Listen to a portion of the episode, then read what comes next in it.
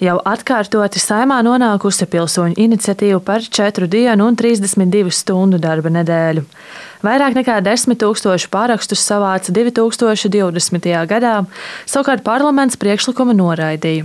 Arī Rīgas ielās sastaptie ideju atbalsta. Es domāju, ka tā ir ļoti laba ideja. Tāpat cilvēks nestrādā produktīvi visas 8 stundas no vietas darbā. Un, Tas ir atkarīgs no tā, kā tu to darbu paveic, nevis cik ilgi esi darbā. Un, ja tev ir iespēja to sakārtot četrās dienās, kāpēc ne? Nu, mums ļoti bieži pietrūkst viena brīvdiena, kad uh, svētdiena jau svētdiena, ka jāiet uz darbu, un tā īsti nav brīvdiena. Tad, liekas, vēl viena ekstra brīvdiena, mēs būtu atpūtušies vairāk. Es esmu tā visu mūžu pieradusi, ka tās piecas darbdienas, ka man īpaši neprasās tās četras darbdienas, bet, nu, gan jau ir ceļš vasarā, es domāju, ka tas būtu ļoti vērtīgi ziemā vai mūsu pelēkajā gadu laikā. Es domāju, cilvēki tīri labprāt nāk komunicēt uz darbu. Saimnes sociālo un darba lietu komisijā valdīja argumenti, ka valsts to nevar atļauties.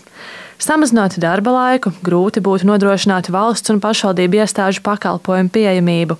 Šai iecerēji iebilst arī ekonomikas ministrijas analītikas dienesta vadītāja Dāca Zīle. Tas nozīmē, ka, ja mēs negribam iekšzemes koproduktu kritumu, kas uh, cits starpā nozīmē arī cilvēku dzīves līmeņa samazināšanos, tas nozīmē, ka cilvēkiem ir jāspēj četru dienu laikā paveikt uh, viss tas darba apjoms, ko viņi līdz šim dara piecu darba dienu laikā.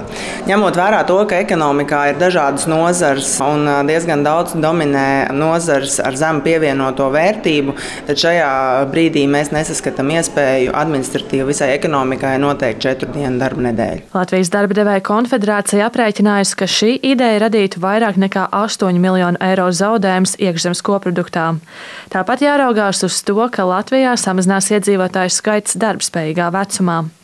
Labklājības ministrijas ieskatā ir pāragri spriest par šādām izmaiņām, taču diskusija jāturpina, saka parlamentārais sekretārs Arčuns Uršuļskis. Tas, par ko Labklājības ministrija ir gatava diskutēt, ir iespējama ielāgta elastība. Darbiniekiem jau tagad ir vairāki mehānismi, kas paredz dažāda veida elastības ieviešanu gan darba stundās, gan pielāgojot vajadzībām, tad, kad darbiniekiem ir jauni bērni, gan arī noslēdzot atsevišķos gadījumos koplīgumus darbiniekiem un darba devējiem un paredzot dažādus elastības sadarbības veidus, gan arī attālinātais darbs. Visi diskusijas dalībnieki nolēma, ka jāturpina apspriedi par elastīgu darba laiku trīspusējā sadarbības padomē.